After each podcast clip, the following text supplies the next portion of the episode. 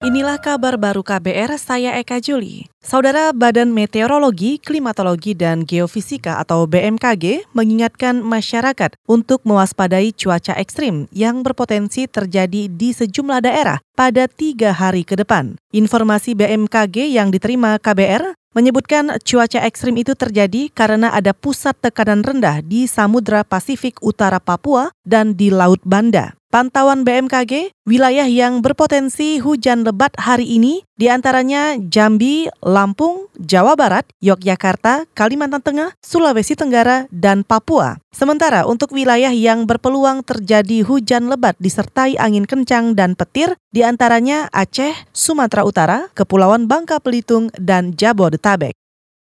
Kita ke soal ekonomi. Badan Pusat Statistik atau BPS mencatat pertumbuhan ekonomi Indonesia triwulan pertama sebesar 5,07 persen. Pertumbuhan ini sedikit meningkat dibanding tahun lalu dalam triwulan yang sama, yaitu 5,6 persen. Kenaikan pertumbuhan ekonomi itu dipengaruhi sejumlah sektor, salah satunya produksi dalam hal usaha dan jasa perusahaan sebesar 10,36 persen. Menurut Kepala BPS Suharyanto, pertumbuhan sektor produksi usaha dan jasa mempunyai peran penting ke depan karena terkait peningkatan daya beli masyarakat. Lebih bagus dibandingkan triwulan 1 tahun 2018 506 di triwulan 1 2017 5,01 jadi angka 5,07 ini uh, menunjukkan bahwa pertumbuhan ekonomi kita masih bagus. Kita berharap di triwulan kedua akan makin bagus karena di triwulan 2 banyak faktor pemicu yang akan memperkuat pertumbuhan ekonomi. Kepala BPS Suharyanto juga menuturkan momen Ramadan dan Lebaran diharapkan bisa meningkatkan pertumbuhan ekonomi secara signifikan pada triwulan kedua. Daya beli masyarakat diharapkan meningkat ketika Lebaran, apalagi ada pemberian tunjangan hari raya atau THR juga pencairan dana bantuan sosial lainnya.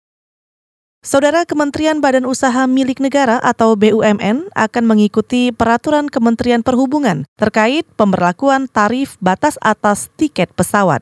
Menteri BUMN Rini Mariani Sumarno memastikan maskapai Garuda Indonesia akan menjalankan keputusan Kementerian Perhubungan terkait pemberlakuan tarif batas atas tiket tapi Kementerian BUMN belum bisa memastikan maskapai Garuda Indonesia kapan akan menurunkan tarif tiket pesawat. Kita sedang mengecek, salah satunya ada beberapa kos-kos yang kita mau detailkan, kan bukan hanya Garuda, kan semua. Iya okay. kan, ya, makanya mungkin yang perlu diperjelas ya, bahwa posisinya ini semua loh ya, semua airline ada cost structure-nya yang pada dasarnya tuh sama-sama harusnya mirip-mirip gitu.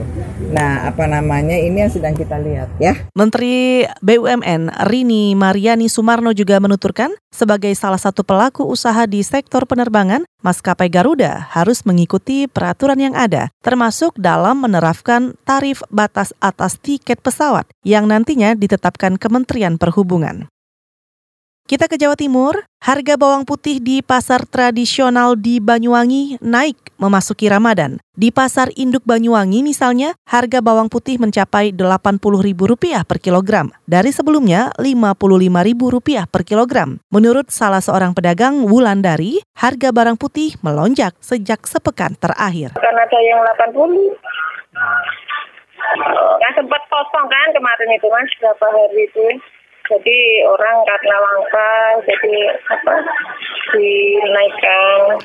Salah seorang pedagang di pasar induk Banyuwangi Wulandari juga memperkirakan harga bawang putih bisa tembus Rp100.000 per kilogram jika stok tetap terbatas. Pedagang berharap pemerintah turun tangan mengatasi lonjakan harga bawang putih dan berbeda dengan bawang merah, harganya cenderung stabil, yakni sekitar Rp30.000 per kilogram.